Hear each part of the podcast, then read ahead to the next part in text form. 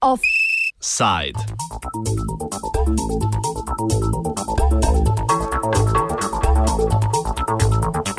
ساق الخري إلى من جرت وخ الخري إلى من ترك Žvižganje še vedno kaznivo.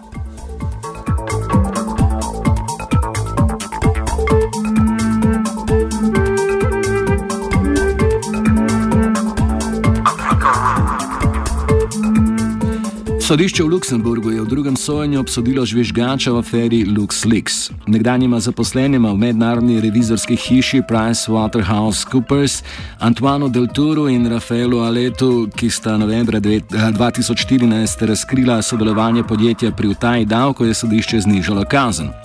Deltur mora plačati 1500 evrov in odslužiti 6 mesecev pogojne zaporne kazni, Aletova denarnica pa bo lažja za 1000 evrov.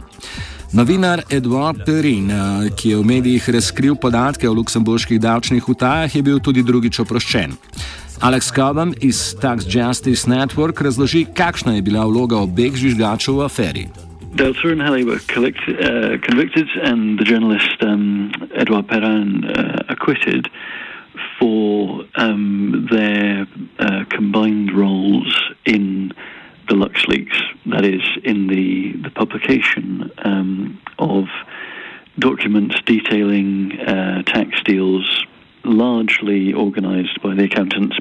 PwC um, uh, for their clients with the Luxembourg tax authorities, deals which enabled um, the shifting of enormous profits from largely from other European countries into Luxembourg where it was then taxed uh, at a rate often of um, between zero and and one percent.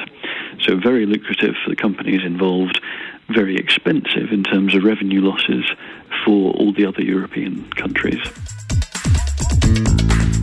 V prvem sojenju junija 2016 sta bila žvižgača obsojena na 12 in 9 mesecev zapora. Sodišče je kazen po pritožbi znižalo, ker je prepoznalo njuno delovanje v javnem interesu. A javni interes očitno ni pretehtal vseh obtožb, ki jih povzame Maruša Babnik z inštituta Equilit. Deltur pa Hales sta bila uh, obtožena kraje domače računalniške goljofije, kršitev poklicne močečnosti in poslovne tajnosti, pranja denarja in pa odzema prostosti. Zdaj pač to mislim, da pa še pod eno. Um, točko njihovega zakonika. Eh, potem pa novinar Perin, pa kršitev poklicne močečnosti in poslovne tajnosti, pranje denarja in pa seveda to spada skupaj s, pač, kar imajo oni v svojem zakoniku, pranje denarja in odzem prostosti skupaj. V luksemburški zakonodaji sicer obstaja status žvižgača, vendar za davčno in poslovno področje ni jasno definiran, razloži Babnik. Luksemburg uh, ima nekako umenjeno uh, žvižgače znotraj druge zakonodaje, uh, ki pa uh, zelo šipko ščiti žvižgače, nekoliko bolj uh, ščiti um, novinarje. Prav tako gre bolj za ščitenje žvižgačev na področju javne uprave, torej javnih storitev, ne pa v poslovnih vodah. Vsekakor pa to ne ščiti žvižgačev v primeru pač eh, davčnih stališč, davčnih uh, postopkov. To je tisto, kar sva tudi prej govorila, da predvsem na davčnem področju nimamo nobene zakonodaje, ki bi zaščitila žvižgače. Sodišče je tako obsojencema priznalo, da sta delovala v javnem interesu, a to ni preprečilo, da bi bila obsojena. Zakon namreč ščiti žvižgača le v primeru, da razkrije nezakonitosti, ker pa davčne utaje niso, kot pove Tove Riding z European Network on Debt and Development. The ironic thing is that Luxembourg actually has a law that protects whistleblowers, but it's only around if the whistleblower exposes something that is illegal. And the problem is that it wasn't illegal when the multinational corporations paid less than 1% in taxes. The laws we have actually allow multinational corporations to avoid taxes. Ironically enough, And uh, it was a big discussion in the court whether the two whistleblowers from LuxLeaks were in fact uh, whistleblowers. But in the end, the court decided that yes, they were whistleblowers, but they couldn't get any protection, so they were punished anyway. So that really shows that we have a problem with the protection of whistleblowers, not just in Luxembourg, but in all of Europe. Zaščita žvižgačev pa ni edino področje, ki tudi po aferi LuxLeaks na evropski ravni ostaja nezadostno urejeno. Enako velja za davčno zakonodajo in način poročanja o poslovnih rezultatih podjetij. Na ravni Evropske unije je aktualen predlog Evropske komisije, po katerem bi podjetja morala poročati poslovne rezultate po posameznih državah, o katerem več pove Babnik. Dejansko je pa različnih zadev. Na ravni EU se dogaja več pobud, ki bi lahko pomagale tudi v situacijah, kot je seveda sama situacija LuxLeaksa.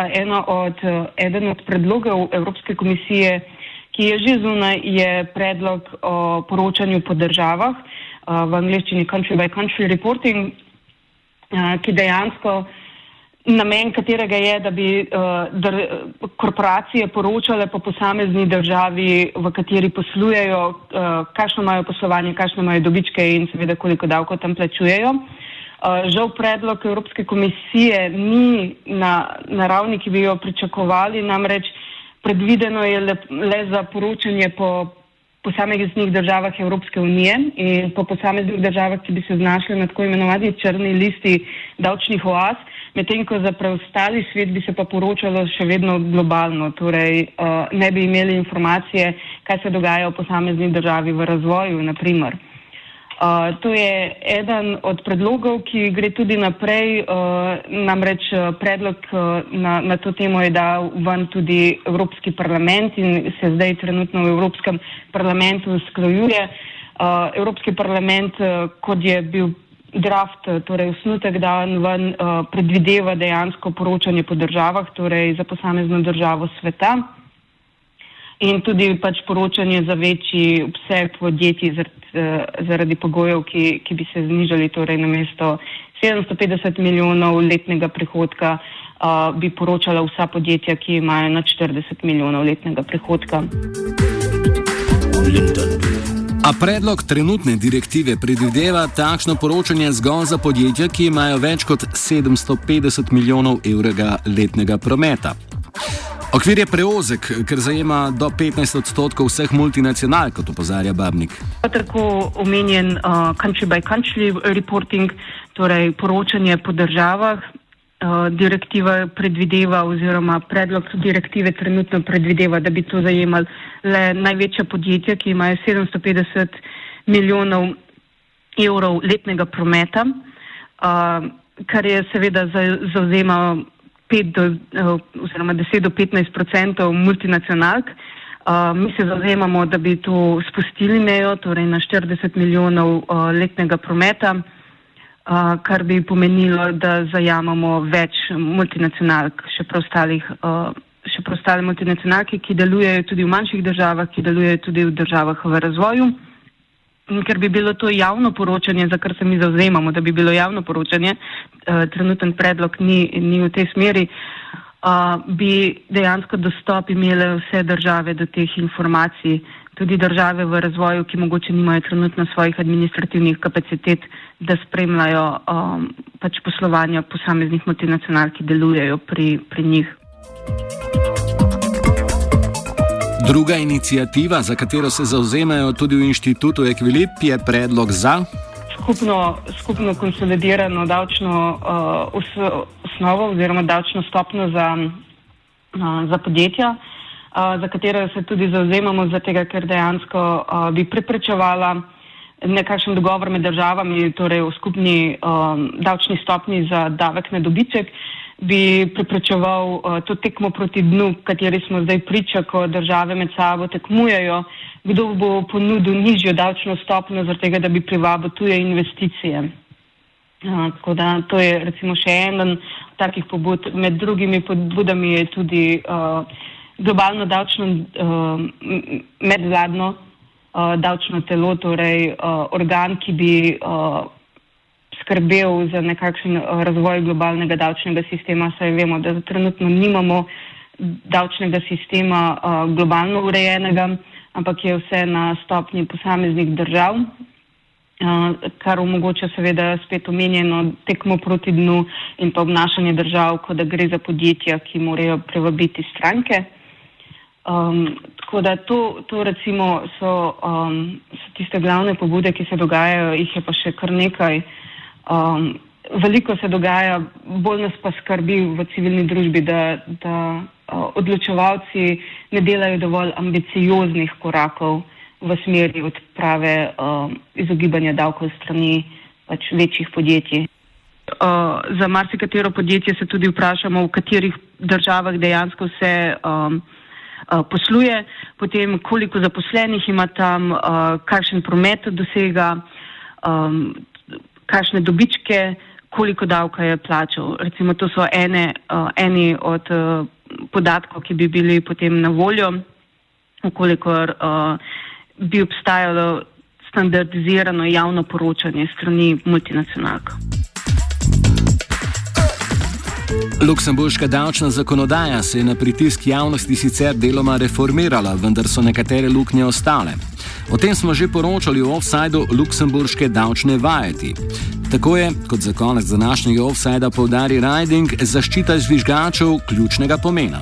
I think uh, one thing that's important to notice is that uh, the uh, Luxembourg tax system hasn't changed very much. We still have a problem with multinational corporations paying taxes, and we still see these secret deals between governments and multinational corporations being signed in not just in Luxembourg, but they're all over Europe.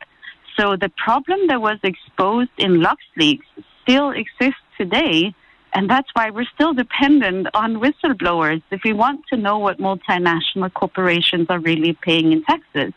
And that's why this is as important as it has always been. And uh, therefore, it's of course really important that we protect whistleblowers when they reveal the truth. Offset sta pripravila vajenec Martin in Zala.